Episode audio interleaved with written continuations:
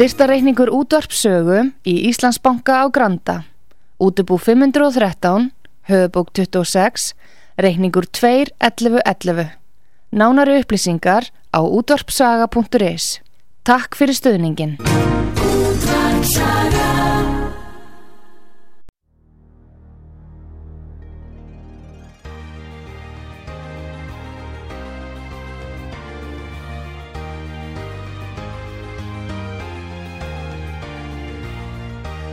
Heimsmálinn í umsjón Pétur Gunnlaugssonar.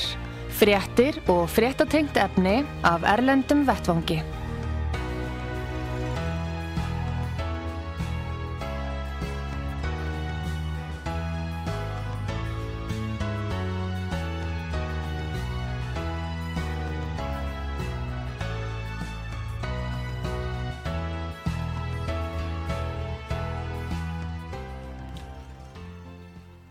Góðir uh, hlustendur, þér að hlusta á útvarpsögu. Ég heiti Pétur Gunnlaugsson og ég ætla að ræða við hann Haug Haugsson, fréttamann útvarpsögu í Rúslandi. Sæl og blessaður Haugur. Já, góðið Pétur.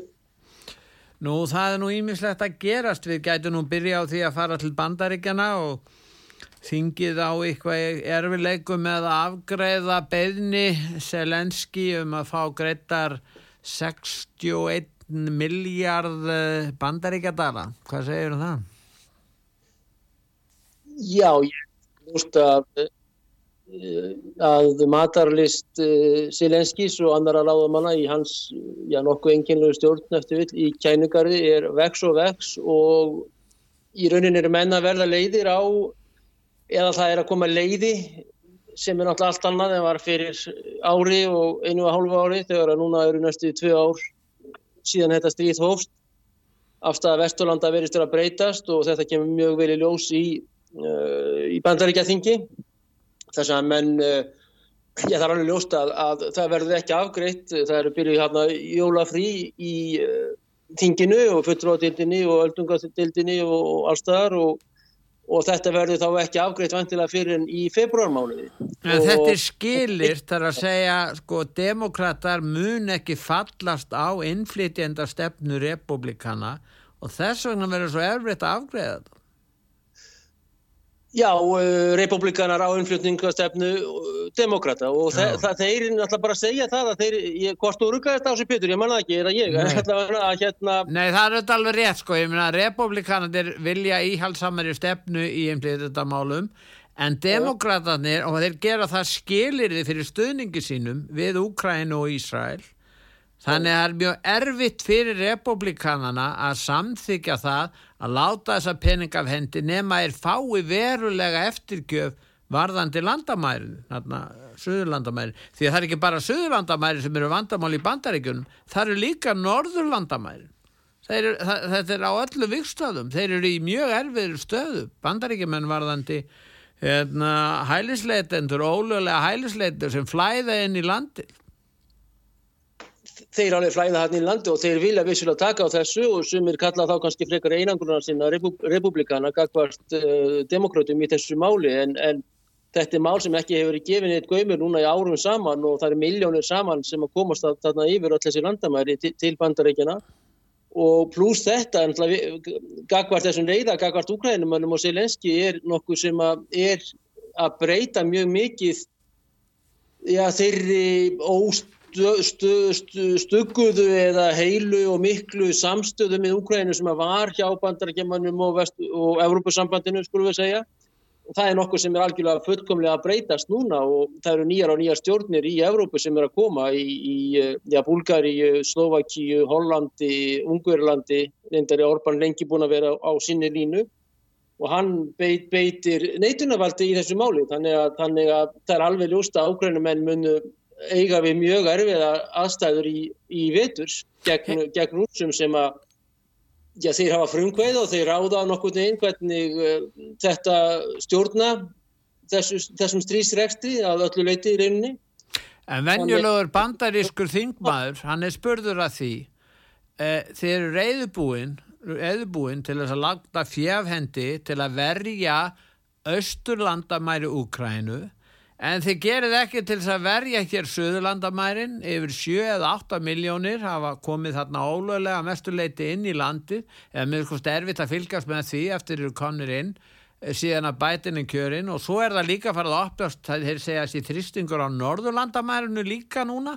Það er alveg nýtt Þannig að e, þingið og þeim ber skilda þinginu að, að reyna að verja, annars er, eru engin landamæri sem skipta máli þegar menn geta komist þarna yfir og þá ljóta menn að spyrja, er það ekki meiri og ár, meira áriðandi skilda og, og áhersla sem að bandarískur þingmaður og stjórnmálamaður leggur áhersla á, þar að segja verja landamæri bandaríkjana heldur en landamæri austur hluta Úkræn? Það er spurning það hlýtur alveg klálega að vera meiri metnaður og skilda og lagfræðilega séð innanlands líka að verja eigin þjóð og þjóðfélag og landamæri í gagvart uh, miklum átóningi. Þess vegna setja það skilir að segja gott og vel að við ætlum að borga Úkræn og Ísrael þeir, þeir eru í sínu landamæra stríða má segja að þeir séu bæði Ísrael og Úkræn í raun og veru í tí að þá ættum við að geta lagt peninga í að verja okkar eigin landamæri en þá segja demokrata nei sko þá hafaði verið tegið til þess eða bara vilja fá allt þetta fólk inn af einhverjum ástæðum. Þannig að þetta er helsta ágrinnsefni. Ef að bætin verður í frambúð og tapar, þá tapar hann út á landamæradeilinu. En þetta er náttúrulega, er þetta ekki mikið, já, hugsanlegir og verðandi kjósendur demokrataflokksins og já. það er sem sagt að þessi... Já, þeir verði ekki búinir að fá kostingar rétt fyrir þann tíma.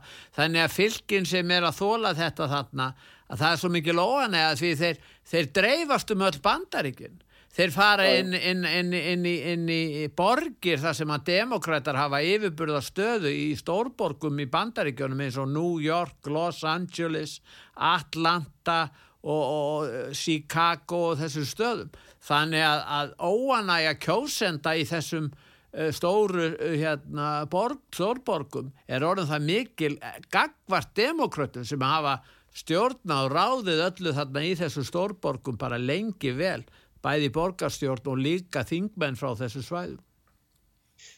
Algjörlega og, og, og Pétur ástandið í Atlanta og Chicago og, og Los Angeles og San Francisco og allar þessar borgir sem að ja. jafnvel Washington sjálf höfuborgin, ja. ástandið í miðborgum og útkverfum já, er, er því líkt skjálfilegt að fólk er þarna í öllum veðrum í tjálpúðum hefur ekkert að borða, engin salirnisastæða, svo vamdast gríðalegt magn eh, fíkla og neytenda Rétt. og annara heimilislausara fyrir í, í, í, við þennan baneitraða kokteil.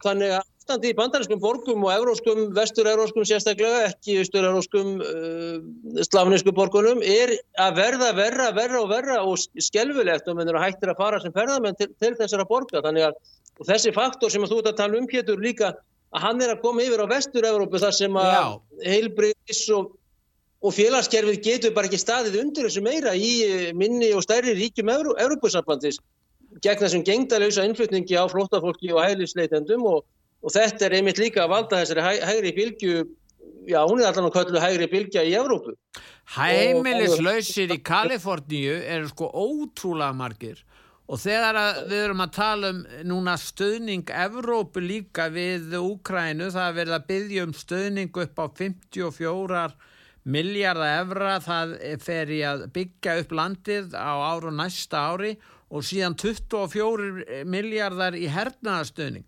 Þetta eru 8-10 miljardar evra sem að Evrópa þýrt að láta af hendi og Orban er nú ekki sammála því og þetta er náttúrulega eh, sko gífulegir fjármunir og spurningin um það hvort að, hvort að, að, að það væri ekki skynsalar fyrir Evrópu eða þeir trúa því að rússarnir séu á ógnaðum að þeir leggja þetta í að byggja upp sín eigin heri því að hernaðar geta eh, Vesturlanda og Evrópu, það er að segja sérstaklega Evrópu, nema þá kannski Tyrkland sér í Evrópu, er mjög veik því meður, hún er það. Já, þeir hafa bara sett uh, skotfæri inn að langmestu leiti yfir í Ukrænu og þau eru ofan í jörðinu og búin að sprengja, sprengja upp og komið upp í lofti sem CO2 þá og, og, og fleira stíkt og Evrópi herinnir eru bara varnarlausir og þeir gæti ekki barist þannig að rússarnir ef þeir myndu ætla sér raustar að þá myndu þeir geta lagt undir sig að Evrópu með nokkur réttum hætti vegna þess að þeir voru að sækja skotfæri til Suður Kóru og það var, voru tvö íslensk flugfélag sem voru mikið að fljúa frá Busan og yfir til uh, Busan er í Suður Kóru og yfir, til, yfir á Sessov í Pólandi og, og Suðkórumenn eru þá vantilega líkarbúni með sín hérna stæstu opn og, og eru mjög berskjaldæðir gegn Norðurkórumennum sem eru núna, eru frettir að því að þeir sem enn meiri tilraunir og sprengjutilraunir og sérstaklega eldflögatilraunir og geta náði yfir á, yfir á bandaríkinn.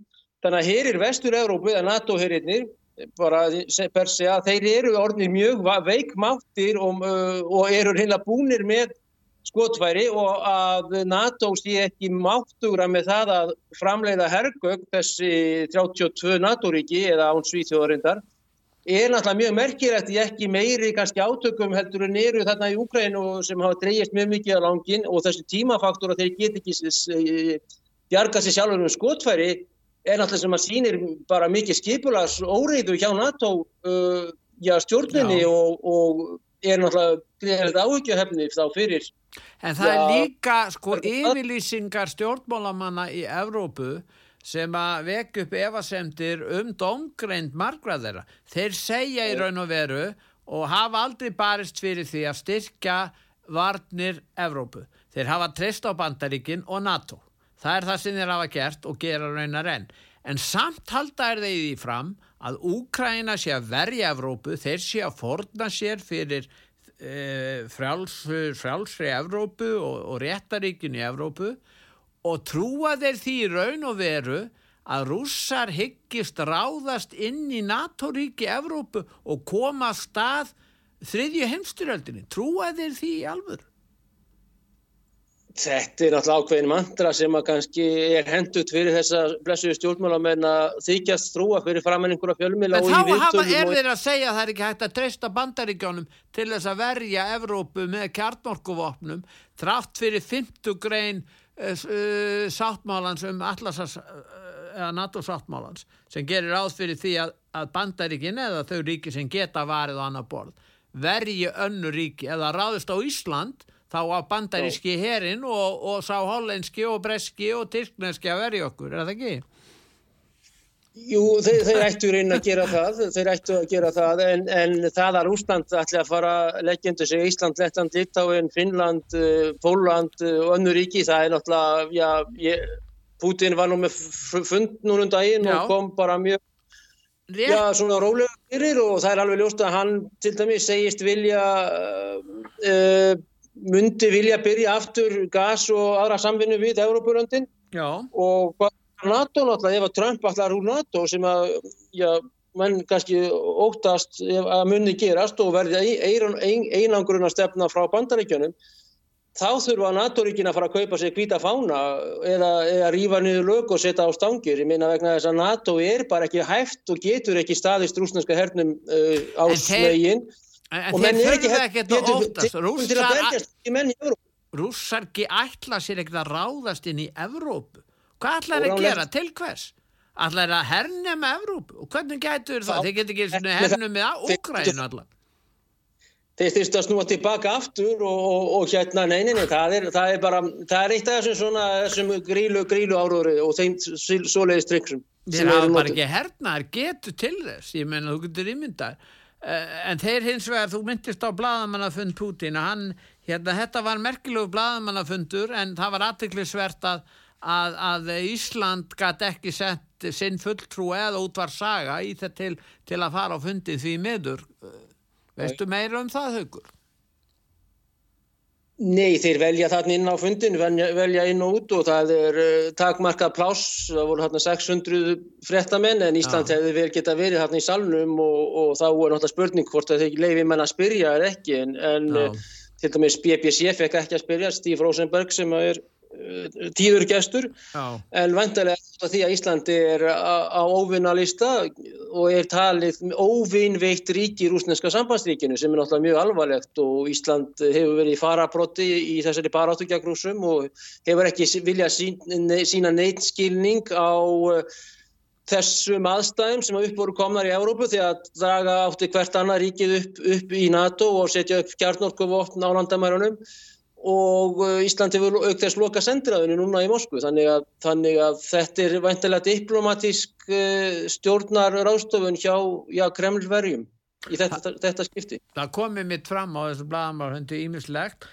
þar á meðal áhyggjur, eh, það kom fram hjá Putin að hann hefði áhyggjur af þessu þessum hérna, ákvörðunum Finnlands að gangi í, og eru komni núna í allarsasbandalæð og þeir ætla að verja Leningræði meira mæli. Það er svo Putin óttist það að, að Leningræn verði, verði einágröð eins og í síðari heimstyrjöldinni eða kemur til átaka þarna og, og, og Finnland er náttúrulega sterkri stöðu þarna. Það er geysilega laung landamæri Finnlands og, og við, við Rúslandi er það ekki Þau eru um, um 1400-1500 kilometra sem er náttúrulega já, mjög langt já. og reyndar línan í Ukræn, hún er löng nýna núna, hún er 2000 kilometrar en þeir myndu, NATO-menn myndu þá væntalega að fara hann inn á Leningradsvæðið og reyna að blokkera það, þeir myndu taka Kaliningrad sem áður hétt Königsberg og, og blokkera það svæði. Það er ákveð bút sem er ekki tengdu við Rúsland sem er hlut af Rúslandi samt við Eistrasalti,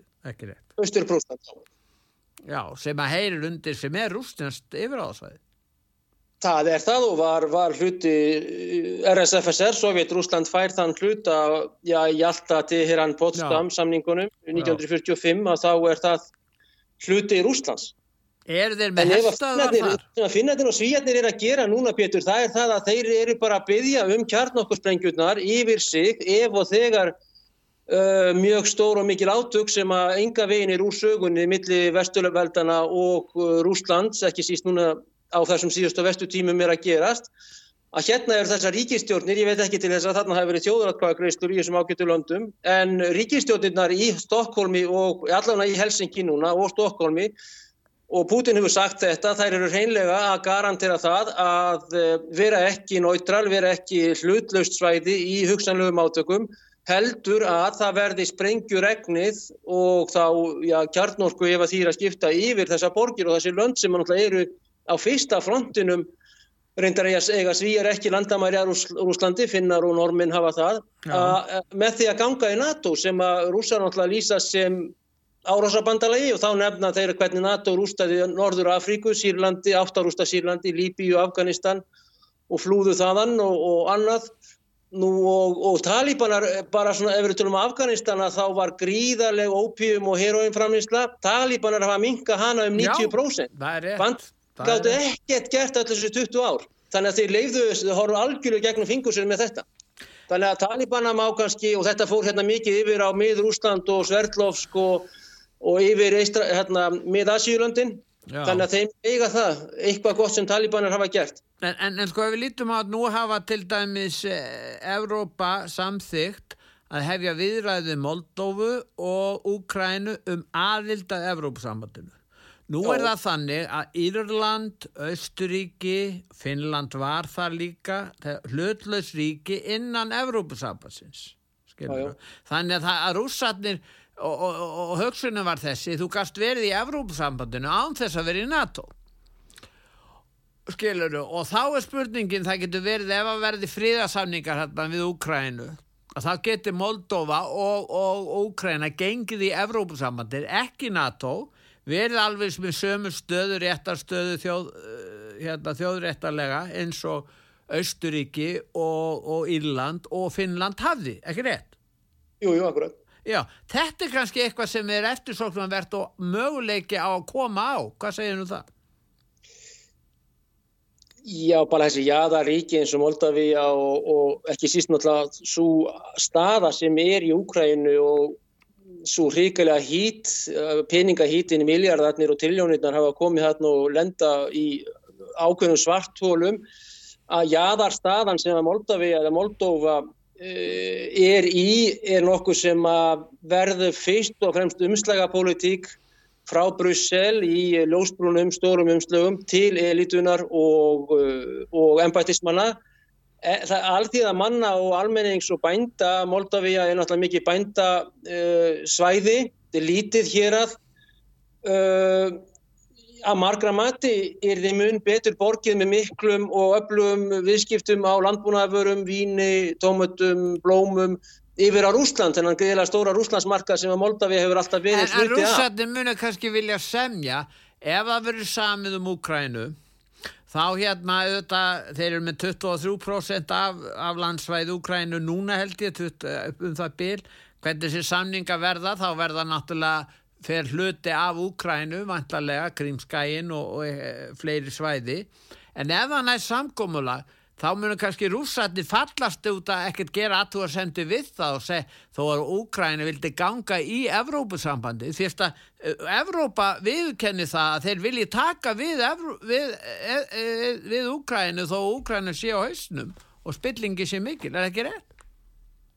Jú, Evrópusambandi hefur áhuga á því og NATO sem að má ákveðinu setja saman, saman sem merki Já, það er einmitt þetta að setja saman sem merki. Þarf að gera það Já, það má gera miklu leiti, ekki síst eftir að finnarnir og svíjar eru og Já. verða komnið þarna inn en, en uh, politísk uh, elita og politísk stjórn er mjög mikið svo sama þarna í þessum tveimur byggingum í Brussel mm.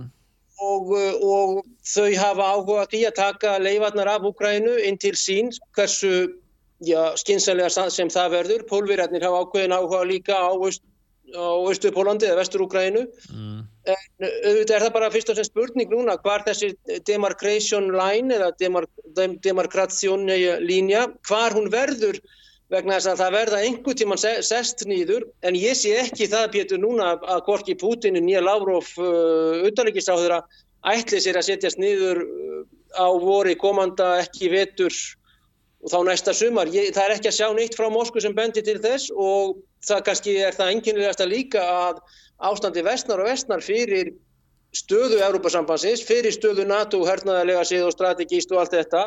Og þeir vilja ekki ennþá setjast niður vegna þess að korki frá Washington, London sem ein, spilar einhverja rullu og Brussel sem er nú meira kannski í strengjónum á Washington, það er engar úrsúla á þetta lið, engar e, beðnir eða eh, hint sagt, eða ráðagerður um það að byrja einhverja samninga og, og láta sér En Putin sagði það, hvort hann sagði á bladamannafundunum, hann sagði það um daginn hann vildi alveg semja. Hann, það var ótrúlega að hann, hann sagðist vilja semja, setjast niður og hann sagðist vilja byrja, byrja aftur hinn miklu orku viðskipti sem að rússar átt við Þískaland hver, hver, hver dekjavesmiðan Michelin og Goodyear og annað er, er bara heimlega að stoppa í, í Þískalandi þessir eurósku vörubílar og trukkar, Benz, Iveco, DAF, MAN, Mercedes Scania og Volvo. Þetta eru til dæmis á markaði hérna í Rúslandi og sjálfsögðu bara um allan heim í Afriku, Asju, Latína, Ameriku eru algjörlega að gefa eftir fyrir kynverskum trukkum og vörubílum. Og, og staðan í Wolfsburg með Volkswagen uh, sem að Ferdinand Fors byrjar að byggja þarna í stríðinu alltíðu bílinn, Volkswagen hún er skjálfileg til dæmis og þýskur yðnaður er, er, er bara og þeir framleitir nú bjölluna hérna, Volkswagen bjölluna í 21 miljónu eintaka og það er öruglega heimsmitt í eintaka fjölda á bílum að uh, Þýskur, Þýskarland er á mikillir niðurleið og rússar er að sigla fram úr þjóðurum hvað var það þjóðarframleiðslu og, og PPP og fleira. Já, það er náttúrulega aðteglisvert sko að það virðist vera klopningur inn að Þýskalands. Kristilegi demokrater og alternatífur Deutschland uh, eru ekki eins spendir fyrir því að styðja Ukrænu en það er nú uh, sjálfur fórstisráður Sjóls, Ólaf En svo er það vardamálaráður hans, Boris Pistorius, hann er ekkert hrifin, hann segir Úkræna eru ekki bandamenn okkar. Hvað þýðir það? Já, þetta er bara ótrúlega fljótt að gerast betur og Boris Pistorius sem er uh, vardamálaráður Þískarlands að hann uh, segir bara hreinlega núna í lóksíðustu viku Úkræna er ekki okkar bandamaður meira innan svega og svo bætt hann við í NATO þar að segja að, til að hafa svona falleir og mikri setningu og uh, já, þeir eru bara sennilega að, að hérna, segja bless við Ukrænu og Ólaf Sjóls, náttúrulega kans, kanslarinn að hann er uh, reynir að sína, hann ætli sér bara hreinlega að taka á sig höggið uh, við það að bandarækjaman ætla ekki að veita þessa miljardar og triljónir krónar náttúrulega. En það er nekkit sem að bendi til þess að hann hafi neina, neina getur til þess og, og, og máttni megin og, og náttúrulega Pistorius er í hans flokki, sósælistaflokknum og ef að varnamálar á þeirra Þískaland segir svona þá er það alltaf alveg klálega stort, stort signal yfir til hreinlega mót aðilans sem að er Selenski þannig að stjórnvöldi í Þískalandi sjálfu og auk þess minniríkin eru hreinlega, já komar að segja orðin leiða á þessu Ukraínu vissinni og, þessum gríðalega mikla uh, matarlist uh, þessum appetít sem að er í Selenski og, og líka henni hrigalegu spillingu í, í fátakasta ríki í Európu og, og spiltasta ríki bara á norðurkvili ef ekki víðar. víðar. En, en varandi Þískaland, þá er efri deildin í Þískaland, ég meina ef við teljum þar, sko það ríkistjórnin, það er að segja stjórn hérna kratana og græningjana og þessara frjálsu demokrata sem er svona markasíkjuflokkur þetta eru svolítið ólíki flokkar óneitanlega. En, en uh, þeir eru ekki með upplugan, þeir eru ekki með meilhluti í efrideldinni, þar er, þar er raun og verið mjög erfitt fyrir þá að ná fram heilstæðri stefnust hjá stjórninni, sérstaklega eins og kem fram hjá okkur áðan í sambandi við vartamálar á þeirran, það er ekki samstæða jafnvel innan ríkistjórnarinnar það eru græningjarnir sem eru helstu stöðnismenn Úkrænu manna sem er svolítið sérstak og, og, og hinnir eru kannski svona meira tvistegandi og klopningu meiri, hvað segir það? Já, það er alltaf alveg rjótt að Mertz eh, sem að, þú myndist þú áðan, sem er Kristlíkið Demokratísi Unión sem Já. er hérna, Kristlíkið Demokrater, hann, þeir eru að sækja sér veðrið, auk þess er náttúrulega alternatív fyrir Deutschland sem eru að styrkja slík og líka, þannig að þessi, þessi göduvita stjórn, eða umfyrarljósa stjórn sem var grænt, uh, raut grænt og gullt, sem Já. er náttúrulega þessi frjálsýtdemokrater, eh, sósialistarnir og svo græningjarnir Já. ungum og mjög óreindum stjórnmálamönnum að hún er, er veikari og veikari í búndistak í tíska, tíska þinginu þannig að Þannig að uh, það er nokkuð ljóst að, að uh, næstu kostningar uh, og það verða alveg klálega skipting. En það er alltaf verið að kjósa í fylgiskostningum og þar fara menn upp í efrideildina. Sko, þannig að, að þeir, þeir verða eiga mjög erfitt með að mynda sko, samstöðu hjá báðum deildum þingsins. En á nýja ári, Pétur, þá held ég að verði alveg klárlega að komi nýtt hljóð í Ólaf Sjóts sjálfan, sjálfan Ólaf Sjóts og það er alveg ljóst að þjóðverðarnir eru mjög snöggir að snúer sér á hinnan hliðina þannig í rúminu.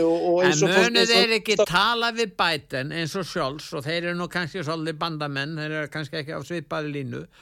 Og eru með svipaði menn innan borst, ég meina Sjóls með sína græningja og, og, og bæten með sína, sína vinstri frálslinda, skiluru að, að þá reyna er hreinlega að fá, fá ná samningum í Úkrænum álunu og fyrir kostningar til dæmis fyrir uh, hvað næstu kostningar í nógumber á næsta ári þá segir bætin já við verðum að ná samningu um Úkrænu og þá get ég sagt að, að ég hafi komið á þessum friðar samningi eða átt átt í því. Og er það ekki mjög líklegt að reyna að þrýsta á það þjóðverðarnir og bandaríkjaminn Ég held að það væri þjóðverðum líka í haga að, að yrði fríður í Úkræni núna í, í, á vor mánuðum og vissulega er það rétt að, að mínum að til líka að bæten það yrði, yrði já, haldreipi fyrir hann í verðandi kostningum í bandaríkinum þar sem hann er náttúrulega talsveit vondum málum að segja geta komið fram sem Peace Initiative president eða eitthvað slíkt og hann hafi stuðlað þessum fríði í Úkræninu en ég er ekki að sjá núna á Putin að, að hann sé neitt á slíkum í stemningur Það hann segist velja að gera samning Hvað sérum? Putin hefur líst í yfir hann sé ekki andviður því að ná samningum Já en ég held þessi spurning við hverja og ég held að persónulega hann væri þessi litlu kallar í Európu Macron, Scholz, uh, Meloni uh, frakkarnir já, ég, er, okay. ég held að hans myndi miklu frekar að vilja tala við Trump uh, að ári ég, ég er á því og, og það er sigur þá begja, begja aðila og hann treystir ekki bæten, ég, ég held að það sé alveg ljóst og hann sagði þá á þessum fundi sínum núna í loksíðustu viku að einn mestu místökin sem að Putin sjálfur gerði árið 2000 eða þegar hann tekur við af Jeltsin í byrjun árs 2000 það var naíf, það er að segja barna, að vera naíf, að vera barnalegur gaggat Vesturlöndum og að trúa Vesturlöndum blind og hafa þessi, svona, já, þessi bleiku gleraugu um það allt er því svo gott, Rúsland er tekið í faðum vestarætna ríkja, jafnvel NATO. Og þetta hef allt verið blöf og Vesturland fyrst og fremst hafði ætlað að koma á uh, annari elitu sem hefði verið því, því þjónustu hlutverki að koma auðlundum þessa gríðarstóra lands undir já, auðringa og Óleikarkana Vesturlanda Já, einmitt, heyrðu við ætlum að fara í auðlýsingar núna, Haugur Já, flott. Líða á auðlýsingar en þið eru að hlusta á útvarp sögu, ég heiti Pétur Gunnlaugsson og ég er að ræða hann Haug Haugsson í Moskvu en við ætlum núna að hlýða á auðlýsingar og eftir auðlýsingar hlýða þá höldum við umræðinni áfram.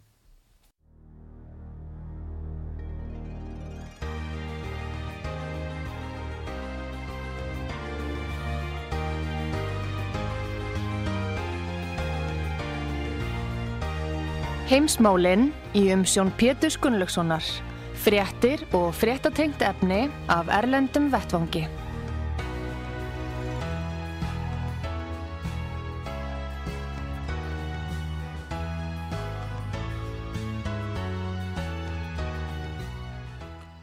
Góðir uh, hlustendur, þið er að hlusta á útvarpsögu. Ég heiti Pétur Gunnlaugsson og ég er að ræðan Haug Haugsson í Moskvu. Haugur, eh, ef við snúum okkur að bandaríkjónum þá er það uh, að komi ljós uh, að það er já, talsverð, kannski segja sem er hrikalið spilling hjá bætin fjölskyldunni, fórsetta fjölskyldunni. Ekki eigaugu vegna skattalagabróta uh, Hunter Biden þarna og, og ákærur frá og rannsók dónsmálaráðinsins og yfirslegt fleira sem þar er verið að skoða heldur er spurningi líka hvers vegna voru peningar að koma frá Úkrænu og Kína inn á reikninga þessara fjölskyldu Já, náttúrulega Biden var í, uh, Hunter Biden, ungi, hann var í uh, stjórn Burisma sem var orku og oljufyrirtæki mikið í Úgrænu sem uh, var þarna starfandi Já. og hann settur í þessar stjórn og hvort það voru 10 miljón dólar á ári sem hann fekk í fyrir stjórnar setu og hann stopnar sjálfur Metabiota er fyrir, fyrirtæki sem heitir sem er nú, já, lifandi eða döyti eða skúfu, veitur það nú ekki en Það var öflugt samstarfsfyrirtæki með uh, eh, varnamálaráðundinu, bandarækja hér og Pentagon í uh, lífefna rannsóknunum, rannsóknum í, já, í allri Úkrænu þegar að það var áður en að innrásin byrjar þar sem að stefnan var svo að, að finna út á sjúkdóma sem hægt að vera að dreifa með drónum og jafnvel flugum og far, farfuglum og hinn og þessu sem að virkaði best á austurslafa á ákveðmenn húsa sem að náttúrulega eru mjög skildar. Áttan í metabióta eða var, var hann hluttæfi í þessu eða einn af stopnendum fyrirtæks, veistu það? Já, hann verist að vera í stjórninni og einna stopnöndum þessa metabióta sem að einhverju hluta vegna bandar ekki að heri eða þeir sem eru í ákveðnum tilraunastar sem eitthvað varðar lífefna yðnað og, og genetics sem er, erða dæmi og annað. Sett bort sem það var sem einhver heiðurstaða eða til þess að hafa pappan til að hafa Joe Biden uh, Joseph Já en nú er hann ekki að selja neina þekkingu Biden er Hunter Biden er engi sérfræðingur á þessu sviði sem hann er þarna, hann kann ekki tungumála, hann þekkir ekki menningu þjóðan, akkur er hann settur í stjórn? Og líka í sambandi við Kína að það eru kýmvers fyrirtæki að láta hann fá fjármunni og hann gerir kröfum það, er heimildi fyrir því. Að vísu er búið að samþykja það í fulltrúadeildin að hefja rannsókn á hugsanlegum afbrótum fósittans, það er ekki verið að ákjara fósittan, heldur verið að bara byrja og hefja rannsókn og meiri hluti fulltrúadeildarinnar samtrykti það, er að segja republikanar þar. Þannig að þetta er svona rétt að byrja að, að rannsaka þetta en það vísbendingarnar eru fyrir hendi að að þetta er ekki allt með feldu þarna í samskiptu þessara fjölskyldu við ímis fyrirtæki bæði í Ukrænu og þá í Kína. Og þetta eru þetta ríki sem að, að eru jú í, hérna, í skotlínun eins og við segjum bara núna þessa stundir að sérstaklega út af Tævan og, og svo núna Ukræna hmm. En uh, Pétur hann uh, hann var kannski ekki svona þessi uppehaldssonur og strá greið, hann er fíkill og, og bara erfitt, erfitt lífuruglega og, og lendi hann í slísi ungur og, og hérna hans lífstíl eins og sannast bara á hans fartölfu og annað er náttúrulega afar enginnilegur en ég held að pappin hafi svona viljað uh, Joe Biden uh, koma honum til manns og þetta er náttúrulega metnaður í báðum og annað og, og hann gætt selt aðgang að föðu sínum þar að segja miklar sendinendur og businessmenn frá ekki bara Kína og Úgrænu þeir gáttu farið í dinnir eða annað eða kaffi eða eitthvað í kvítahúsið og mynda sig með Biden og, og þá fekk Hunter peninga fyrir slík viðvík og, og hann er náttúrulega ágæfið maður, strá greið en, en hérna og eins og hans lífstíl eins og ég segi bendir til og hann á 17 ári yfir höfðu sér og, og nýju skatta ákærus og annað en ég held að þetta sé svolítið ég hvað maður að segja, dæmigert fyrir það öryggi sem að bæten þessi klan eða þessi fjölskylda og klan náttúrulega er kannski neikvægt yfir sterkar fjölskyldu Já. Með sig að geta komist upp með flest og allt og, og leggja undir sig þarna auðrundir Úkræðin eins og ekkert sé og, og vera í hálgjörðu kasinói og, og auðvitað það sem er að gerast núna með, með BlackRock og önnur fjárfæstingafyrirtæki á þeirri ríkalöfu bruna útsölu núna sem að er í Úkræðinu og það er sem er í New York og í kaupöllunum og hýperkapitalistar að þeir mun ekkert fara með skarðan hlutaborði en þeir ætlu að græða sér miklu, miklu meira. Við erum, að sjá, við erum að sjá tengingu meiri tengingu á melli viðskipta og stjórnmála. Og stjórnmálamennir er farin að skipta miklu máli ekki sem stjórnmálamenn heldur sem uh, hérna, tengiliðir við viðskiptin og, og því að um, sko, ríkin eru orðin svo umfangsmikil út hensla kerfisins á Vesturlöndum er orðin svo mikið að viðskiptaheimurum villu þetta tengjast í og hafa síðan áhrif með lobbyistum á lögjöf og reglurgerðir og annað til sér í hag og, er, og, það, þannig að við sjáum að, að þessi, þessi, þessi, þessi tenging stjórnmálana og viðskipt við sekkum það bara frá Íslandi og þetta er alltaf að verða meira og meira ábyrgand og þetta gerist yfir á Jelsin tímanum sem var svo ábyrgandi þar þegar að ólíkarkarnir voru bara að taka yfir og, og, og tengdust á stjórnmálunum með peinum hætti en það voru ólíkarkarnir á kafi stjórnmálu líka við mannst nú eftir því hvernig það var. En þetta er eitthvað sem mönstur sem er erfitt að, að hérna kljást við og, og Evrópusambandi er á kafi þessu eigin maður Úsulufondir lægin það, það, og, eigin, og það eru eigimenn stjórnmálakvenn og, ymsir, Norri og Víða, þar er verið að misnota aðstöð sína upplýsingar sem þeir búa yfir en aðrir ekki og þeir nýta sér það á hlutabriðamarkaði. Þetta er að verða svona Víða í Evrópu. Tengslinn í Fraklandi hafði alltaf verið ríki, Macron er í miklum tengslum við bankaelituna í Fraklandi, þannig að það er alveg saman hvar við lítum. Bretlandin og annað dæmi, þessi Súnúk, hann er náttúrulega á kafi í, hérna, í samstarfi við framámenn í The City of Eh, og, og, og, og hérna annar aðila og er að stjórna Breitlandi með þeim hætti í tengslu við þessa viðskipta aðila ég meina það svo, þannig að ástandi er orðið mjög já, væga sagt skuggalegt að þessu leiti, hvað segir þú um það? Hvernig er þetta í Rúsland í dag? Já, í Rúsland í dag þá er þetta þannig að já, þeir ólíkarkar sem ekki urðu ríkis og þjóðhóllir upp úr svona 2005 upp úr því þegar, Jeltsin, þegar Putin var búin að vera í 5-6 ár við, við störfa þeir uh, voru hrættir úr landi, settir inn og, og annað, einhverjir voru drefnir af uh, killerum, af leigu, leigumorðingum sem að menn voru að panta á hvort annan, hvort að FSB átt einhvern hlut af því er, veit ég ekki um og, og veit Nei. aldrei vantilega en, en þeir eru orðnir allan að hér eru orðnir, orðnir ríkishóllir og farnir að borga stóra og mikla skatta og, og eru fylgjandi Putin í hans eh, flestu málum núorðið og þessi yfirstjóðlega vald sem að þú vinnist mjög rétt á, þessi, þessi stórkapitalismi og, og gríðarlega gigantíska eh, fjármagnssöpnun á hendur mjög farra sem að trátt fyrir demokratíska stefnu Európusambansins og þá er Európusambandið og að sjálfsögur bandarækinn eru bara eðluleg og sangkvæm sjálfur sér að þá er,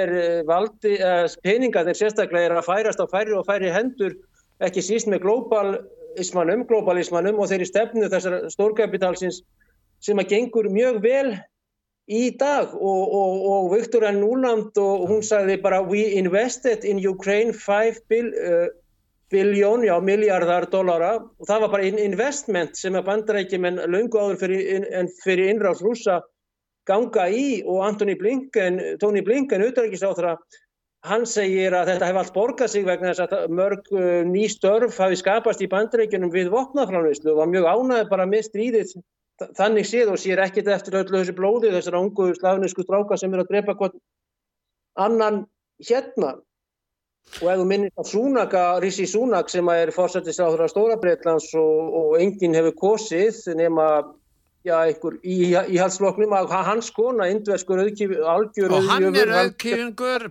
pappans er, tengdapappans er eitt ríkasti maður Indlands, það er engin maður svona ríkur orðið fósitinsráðar í Breitlandi, ekki minnst okkosti, því að ég veit ekki hvenar frá Viktor í tímabilinu, ég veit það ekki. Jú, að þau eh, tengdapappi og, og konan er í miklu rúslandsviðskiptum og Indverðar eru farin að flytja út ólíu, Pétur. Já, já. Flytja út rúslandska ólíu, Indverðar. En, en hvergi sjáum við betur, hérna, haugur, þetta en að ger, sem gerist í Davos þangað fara stjórnmálamörði þangað fara auðkýfingarnir alþjóðlega auðkýfingarnir. Þarna ráða þeir ráðum sínum. Þarna er þeir komnið saman hjá World Economic Forum og þar er lagða línutnar hvert á að stefna, fjölmiðlandi taka þátt í þessu, það eru þekktir fréttamenn sem fara til Davos og ræða við þessa auðkífinga, hvert stefnir í heiminum, hvað á að gera í þessu málum og þeir svara eins og þeir séu bara valdir af almenningi í heiminum til þess að fara með þetta vald. Já, ég fann. Þeir eru náttúrulega, sko, það er sorglegt núna að fjölmilar eru náttúrulega og hafa alltaf verið fjórðavaldið og, og það er lögjavald, framkvæmdavald og domsvald og svo er fjölmilar, okkur er hægt fyrir að vera fjó, fjórðavaldið en þeir sem að stjórna fjölmilum núna í Davos og COP28 og, og fara þangað og eru á þessum fundum hjá þessu fína og ríka fólki að þeir tala um upplýsinga óriði og upplýsinga mengun Þetta er svona sósjaldemokratískir embætismenn og ungi strákar og, og menn sem að voru í, í hérna, ráðnitinu og rúf og, og ákveðisvinum minn hérna eitt sem að tala um upplýsingamengun. Það er að segja, þetta er bara informationsdrekkikætt, þetta er eitthvað svona deutsche hérna, NSDAP. Ef, ef þú ert á hinni skoðuninni, þá er það mengun, hún má ekki komast að. að, að. Þannig að hérna, en hvað er þá þetta fjölbreytni og, og fjölbreytileiki og annað sem er á hinbóginn? Þannig að þetta er alveg stór hættuleg hérna þróun að menn með ekki vera ósamála og skoðanarskipti, bara heilbrið skoðanarskipti um COP28, um uh, annað, bara öll þessi mál sem okkar ágættu heimur er í þessum gríðalögu bara djúpa potli sem við erum búin að koma okkur sjálf í, það má ekki ræða það og gaggrína. Þannig að mér finnst mjög merkir þetta svona upplýsinga óreiða, svo er krakkar úf, sko, og það, er allir að vera hérna deutsche Folkese beobachter 1938 sko, það er allir að vera sama máli og þetta er bara stór hættur í skoðun að mínu mætti og uh, bara skoðunarskipti eru, eru, eru já, bara bann orð hjá hérna fínasta og flottasta fjölmjöla fólki í Íslands þar á meðal. Minna, þetta er bara svo austur Þískaland eða Sovjetrík Ég myndist á Davos á það. Tökum ástandi bara fyrir á Ísrael núna það sem eru talað um þjóðverðnisreinsanir Ak ekkert heyrist í Davos eða, eða, eða alþjóðavæðingaliðinu um það hvað leiðir til þess að stoppa eh, þarna eru, eru 20.000 manns og þetta eru nokkuð áralega tölur staðfestar, Ísraelsmenn hafa ekki mótmælt tölum reyndar. Þannig að það eru 20.000 manns aðalega konur og börn sem hafa dáið. 50.000 særðir mjög margir alvarlega. Við erum að tala um 70.000 manns langt flestir eru helmingurinn af þessu fólki á gasa eru börn. Helmingurinn eru börn. Og, og hérna það er alveg saman hvernig lita og við getum horta átt í sjóarpi það er verið að hreins verið framann að bara sjómarskjáin og menn getur að sé þetta. Og það er ekkert að gerast í málunni nema að Ísraelsmenn segja það með ekki komast á vopnalgi og það með ekki eins og senda bifriðar þarna inn nema að skoða þær. Og erfá að bifriðar kom með vatn og og þannig er verið að, framle, að búa til hungursneið uh, þjóðin eða þessi þetta, uh, þetta fólk sem býr á gasa er að svelta og, og hvað hva, hva gerir alþjóðavæðingin? Hvað gerir viðskiptaheimurinn? Hvað gerir, gerir stjórnmálamennir? Ég meina, Evrópa segir bara, já, og bandaríkin, Ísrael hefur rétt á að verja sig. Það er eina svari sem fæst, ég meina, en, en akkur ekki búið að gera eitthvað. Saminuð þjóðan algjörlega máttulefsar í þessu máli eins og venjulega út af náttúrulega neitunum valdinu öryggisráðinu þannig að við sjáum greinilega hver stefnir að ef þetta er hægt að drepa þarna svona mikið af fólki marga einstaklinga aðal á konur og börn með vitund og vittnesku heimsins hvað er þetta að gera í framtíðin? Akkur er ekki hægt að gera þetta á öðru svæðum ég menna Afríku mið, miðesturlöndum uh, Asju, það eru stóri svæði þar þar sem um er að ræða þjóðettinsreynsanir líka. Við getum talað um mörg dæmi frá Burma gamla svæðinu hérna, til, til Bangladesh að verða að reka bustur enda múslima það. Það, það þetta er út um allt.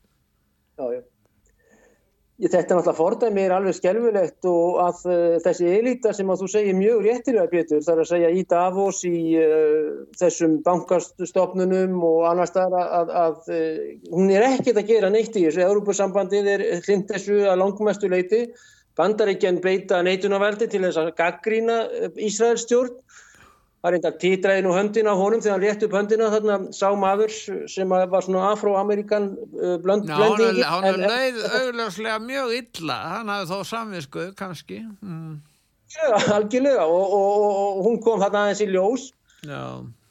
og eins og þú segir bara fordæmið í þessu og hvað er næst og hven er næst og ef að þessi ríkustu lönd Vestur-Európu og, eða Evrópusambansins og Norður-Ameríku leifa þessu að gerast og, og þetta er fjall af börnum, þetta er orðið 10.000 dæflega núna og, og þessar tölur, óþarf að endur taka er, þetta er svo skelvilegt á, á einhverjum 60 dögum á tveimur mánuðum að auðvitað væri það hálfa nóg og menn segja að þetta sé nokkurnu í lagi, Hannes Holmstedt vinnur okkar skrifaði grein í mokkan í, í, í síðustu viku Hann bendir á það að 250 gýringar eða Ísraelsmenn eða gýringar að sjálfsög, þetta var mikið sovjetgýringar og bandarískir og Rosenberg og þessir. Ná, þeir vinna hjá bandarískum, þú hann að tala um Nópersvelun, en ég meina, sko málið er það að þetta er náttúrulega rannsóknarstofnanir í bandaríkjónu þar sem margir þeirra vinna á, margir aðeir bandaríkja, menn að það fengi Nópersvelu, það er alveg rétt. Já, já. Þetta er líka háð, en ég minna þó að þeir skari fram úr það gefur þeim engan rétt til þess að, að, að koma svona fram við, við, við þessar konur og þessi börn þarna á gasasvæðinu. Já, já. Ég minna það eru hriðjuverkamenn út um allt, þá eru hriðjuverkamenn á Írlandi, Írski liðveldiserinn, ekki rétt? Hann var að drepa í þúsundartali saklust fólk á löngum tíma, var það ekki rétt? Jú, jú, það voru terrorista. Það breska eh, ríkistjórninu nátti hann það í hug að senda eh, flugherrin á Dublin þar sem var fullt af þessum íska liðveldishersmannum til að útrýma því fólki. Ha, var það? Ég meina menn segja það þarf að útrýma Hamas og þar til að því verki er ekki lokið þá höldum áfram að sprengja. Er þetta rauk? Pétur Royal Air Force fór aldrei á Dublin eða London Derby þessar borgir. Nei, ég tók þetta sem dæmi, þetta kannski er svona dæmi náttúrulega alltaf svolítið langsótt, en maður bara hugsaður út í það, ef það eru hriðjuverka menn út um allt og ef það var að nota heri til þess að sprengja bara fólk sem eru á svæðum þar sem þeir eru fjölminni hriðjuverka menn og það sé í lægi til að útrýma þeim, hvar eru við stöðt þá? Það er uh, mjög vel og stort spurt og, og hérna þá bara greinlega þurka þetta út þetta svæði hérna og ég minna ég held að hósi mín hafi sagt að til þess að drepa fiskana í vatninu þá þarf að þurka upp vatnið Já. og það tókst ekki hjá bandarækja hér í Vietnam sjálfu í miklu og lungu stríði sem að allavega 2 miljónir Vietnam að dói og um 70.000 bandaræski ungi menn þannig að, þannig að en þetta stríð náttúrulega ég held að sé rétt líka þetta Ísrael Hamas er, er, er vasa útgáfa af bandaríkin Íran? En þú myndist þannig að sambandi við sko, eh, ef, ef við lítum á svörin sem berast frá Ísrael því að Ísrael naut mikil stönnings og hefur gert á Vesturlöndum. Það er vegna þess að menn hafa haft samúð með þeim og, og þetta sjóna með sig hún bendir á hjá Hannesi menn líta svo á þeir séu dúleir og metnaðgjarnir leggja áherslu á að menta börn sín og þeir eru staðið sér mjög vel að mörg, mjög, mjög, mjög mörg, mörgum sviðum en, en þannig að, að, að þetta, er, þetta er það sem að menn svona virða við þá út af fyrir sig en, en hérna hvert er framaldið?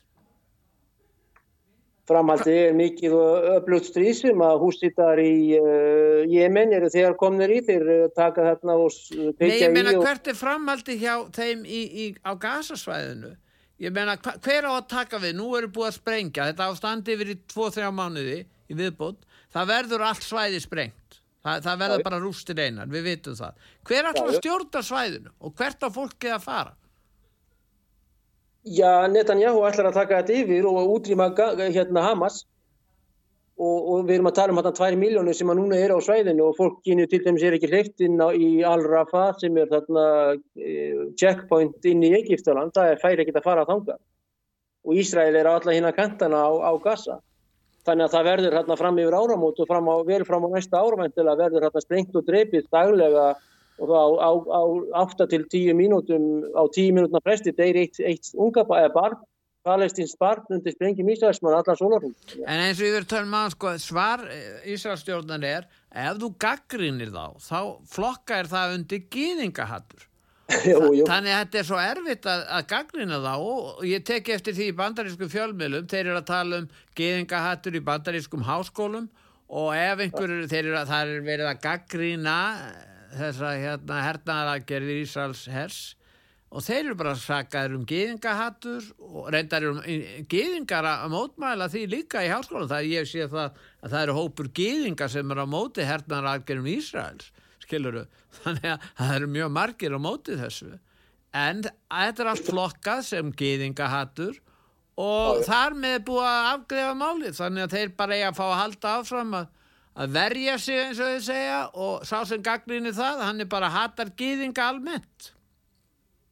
Já, þetta bara er ákveð trikk sem hefur gengið vel hinga til að nota en, en ég held að þetta er svo misnotað núna þetta geðingahattur, svo antisemitismi uh, hugtak hjá þeim þarna hjá þessum sértróðsöfnuði í Tel Aviv eða ríkistjórn Netanyahu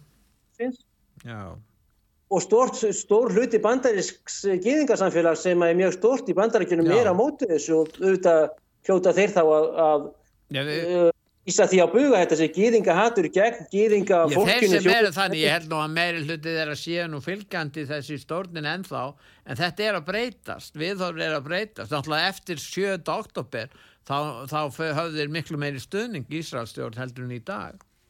Já, já, akkurat.